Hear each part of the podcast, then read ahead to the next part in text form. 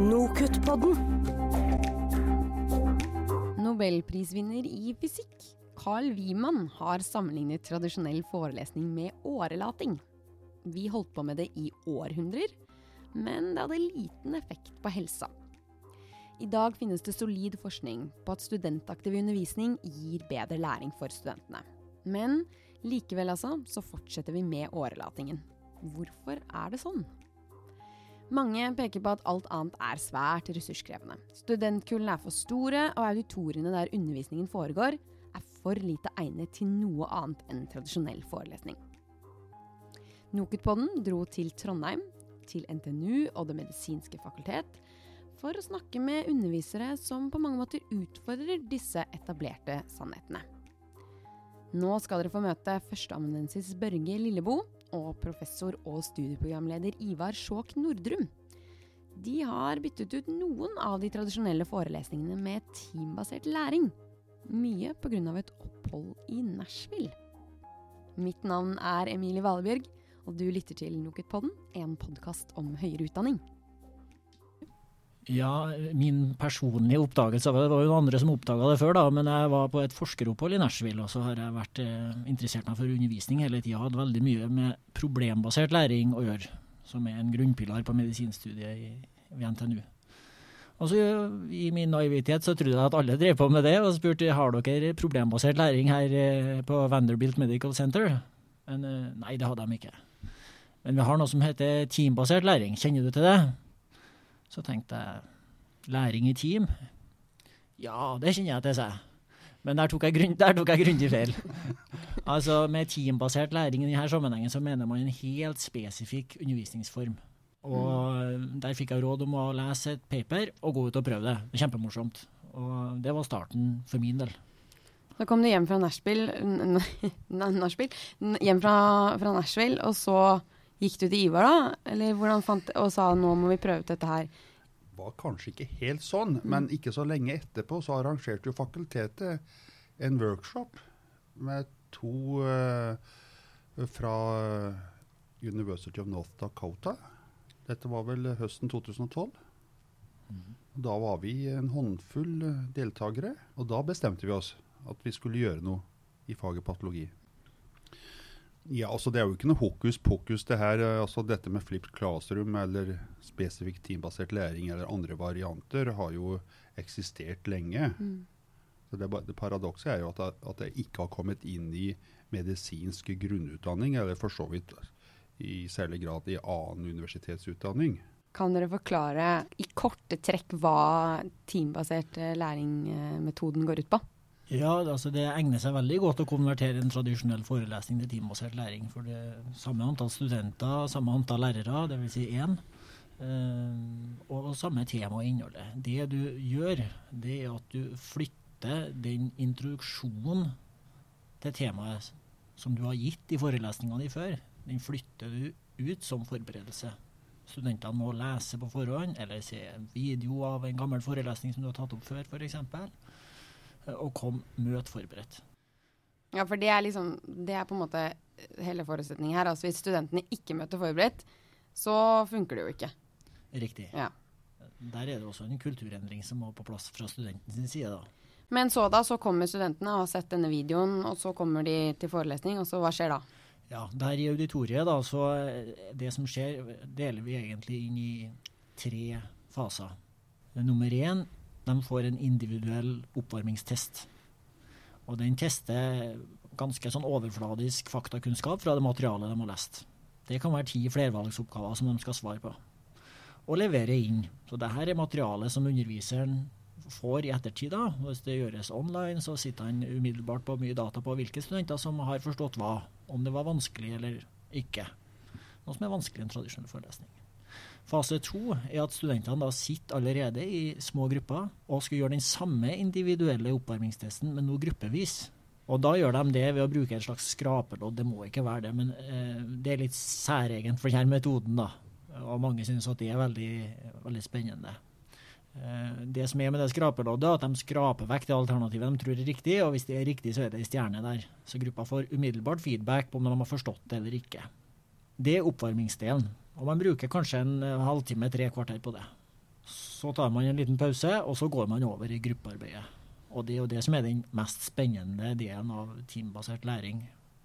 Da får uh, teamene, da vi kaller dem team, oppgaver som, eller gruppearbeid som er ganske avansert. Helt på grensen av deres forståelse. Så avansert egentlig at hver enkelt student ikke klarer det. Men samtidig ikke så vanskelig at gruppa ikke klarer å diskutere det. Og så er det noen spilleregler da, for når de svarer. Og, her, og det er veldig viktig. Her får alle gruppene samme oppgave å jobbe med, samme gruppearbeid. Ikke det som mange gjør i høyere utdanning, at man deler opp faget i stykker og gir gruppe 1, del A, gruppe 2, del B osv. Men her får alle samme, og de må ta en beslutning. Det kan være en sånn drøfting der alle har litt rett. Her må tas en spesifikk beslutning. Og når de skal svare, så må de også avgi svar synkront. De får ikke se hva de andre gruppene svarer, før de sjøl svarer. Eh, og da, på lærerens signal, så holder gruppene opp et svarkort. Hvis det er en flervalgsoppgave, så er det A, B, C, D. En eller annen type oppgave, det kan være regne ut et tall, eller det kan være anbefale en medisin som skal gis, så holder de opp en lappe hvor det spesifikke svaret står. Og da har jo underviseren her vi kaller den ikke foreleser, men underviseren, plutselig en kjempegod anledning til å føre en, en god diskusjon i gruppene. Da er det noen spilleregler som også underviseren må forholde seg til hvordan man fører den diskusjonen. For, for enkelte studenter kan det jo være litt rann, uh, skremmende å skulle snakke i plenum om hva man mener er riktig og feil, uten at man er helt sikker. Men med gruppa i ryggen så skal man gjøre det her til en uh, trygg arena til å avsløre sin inkompetanse da, mm. for sitt eget og andres beste. Hvordan reagerte studentene på dette? da? De var kjempefornøyd. Altså, altså når vi piloterte dette våren 2013 muligens, jeg tror faktisk det var da, så hadde vi jo En ting var jo at vi hadde videoopptak, men uh, de fikk jo svare ut på, på skjema hva de syntes om dette. Og til alt overmål så var det jo ganske stort oppmøte, da, for det her var jo rett før eksamen. Så de var uh, veldig fornøyd ja. med å kunne jobbe i grupper og samarbeide om å komme fram til svar og presentere det og dele med hverandre. Så vi fikk jo være i aktivitet i stedet for å sitte, sånn som tradisjonelt det er, ganske passivt med en PC og skrive det foreleser sier. Det er en del sånne mekanismer i timebasert læring da, som er bakt inn i formatet, som gjør at du uh, i større grad lykkes med å aktivisere hver eneste student. Og en av dem er nettopp det som vi sier at uh, dere gruppa nå, eller teamet, må forberede oss svaret deres. Og etterpå kommer vi til å plukke ut en tilfeldig student fra gruppa som må forklare hvordan gruppa kom fram til det svaret. Ikke hvordan den studenten kom fram til svaret. Så ekkelt er vi ikke, da. Vi skal avkle hver enkelt students uh, manglende kompetanse. på måte. Men med gruppa i ryggen så er det lov til å, til å, å, å glimre med sin inkompetanse. Hvor store Hvor mange studenter var det som satt i denne, dette auditoriet? Ja, Den gangen var jo kullene på 120, og vi hadde vel et oppmøte på øh, 80% eller noe sånt nå. Mm. Så ganske mange studenter? Ja. Da blir det, hvis du deler på åtte, da, så får vi et 16 grupper eller noe sånt nå, kanskje. 15. Mm. Og vi har jo fortsatt med teambasert læring eh, akkurat uh, på det elementet. Mm. Dere fortsatte etter piloten? Så studentene var veldig positive til dette. Det var bare noen få som helst skulle sittet på lesesalen. Og, og, fordi ettersom dette her også var tett opp til eksamen og sånne ting. Men det generelle tilbakemeldingen var at dette var veldig positivt. Ja, ja det var det. Og så fikk vi tilbakemelding på at vi, vi somla litt, da. Vi var jo uerfarne med metoden. Mm. Sånn at vi kunne vært mer effektive. Noen synes det ble litt mye dveling ved, ja, forklaringer som, som var grei. Mm. Eh, sånn sett så forbedrer vi oss litt fra første år til andre år, men det er også forbedringspotensialet er jo større. Du kan ikke si at du har gjort en ting to ganger, så du, gjør du det perfekt. Dere sier at um, i denne sluttrapporten at gruppens prestasjon var bedre enn eller like gode som 84% og 72% av de individuelle prestasjonene. Altså Da mener dere på en måte den testen som studentene først fullførte individuelt, og så sammenligner det med hvordan de gjør det i grupper. Kan dere fortelle litt mer om sånn på en måte For å snakke om hva man faktisk lærer, eller hvordan man faktisk presterer? Akkurat de resultatene vi fant der, dem, dem finner man hele tida. Det, det, er sånn at eh, til og med den dårligste gruppeprestasjonen i team-based learning er typisk bedre enn den beste enkeltstudentens prestasjon. Man ser der data over tid. Eh, og det tar man jo da til eh, som eh, bekreftelse på at studentene faktisk lærer noen ting mens de diskuterer med hverandre. Det er et fenomen som repeterer seg om og om igjen. Så det er jo noen kritikere som mener at sånne her type tilnærming til undervisning løfter kun de beste, og gjør ingenting for de, de litt mindre, svakere studentene. Hva er deres Ja, vår, kommentar til det? våre egne data hadde ikke den kvaliteten at vi kan si noe sikkert om det. Men andre har forska på det, og de ser jo det når man spør studentene, så er det faktisk de, de beste studentene som syns team-based learning er mest gøy. Men når man ser på hvordan de lærer, så er det de dårligste studentene, som vi kaller det da, som har størst utbytte. Og det er litt interessant. Og så er det jo relevant også å sammenligne med motstykket. Da. Altså, vi går jo fra passiv forelesning, eller tradisjonell forelesning, til teambasert læring. Og det er jo egentlig differansen i læringsutbytte mellom de to formene man bør sammenligne. Så det er vel lite dokumentasjon antageligvis for at en klassisk passiv forelesning gir større læringsutbytte enn når du deltar aktivt i en gruppe, være seg teambasert læring eller annen strukturert, aktiviserende læring. Det man vet fra lenge tilbake, her er jo gjort studier i, i 100 år, det er jo at forelesning som instruksjonsmetode er like ineffektiv eller like effektiv som alle andre instruksjonsmetoder når det gjelder å få ny kunnskap inn i hodet første gang. Det er best beskrevet i boka til, til Donald Bly, 'What's the use of lectures?', hvor han har gått gjennom en utrolig stor mengde hvor forelesning sammenligna med egenlesning, sammenligna med lydbok, sammenligna med hva det nå skulle være, kommer ut med egentlig samme resultat. Derimot, eh, hvis man tester på hva når studentene må forstå noe, hvordan de kan anvende kunnskapen, så er det jo selvfølgelig, kan vi si da, eh, undervisningsmetoder hvor studentene blir trena i å anvende kunnskapen, som er bedre. Og da har jo det klassiske vært smågruppearbeid. Og det kunststykket Larry Michelson gjorde, var å etablere en smågruppedynamikk med samme ressursbruk som forelesninga. Ellers så er ikke jeg, verken jeg eller Ivar er noen sånne selgere av team-based learning. Det finnes sikkert 100 måter å gjøre det her på. Poenget er at uh, vi må bruke undervisningsressursen der det er mest effektivt. Og, og, og det at studentene får trene på å anvende kunnskapen sin, er mye viktigere enn at vi skal lese for dem. Mer av det som funker, og mindre av det som funker Ja, mindre. Og Eller det- gir mindre læring.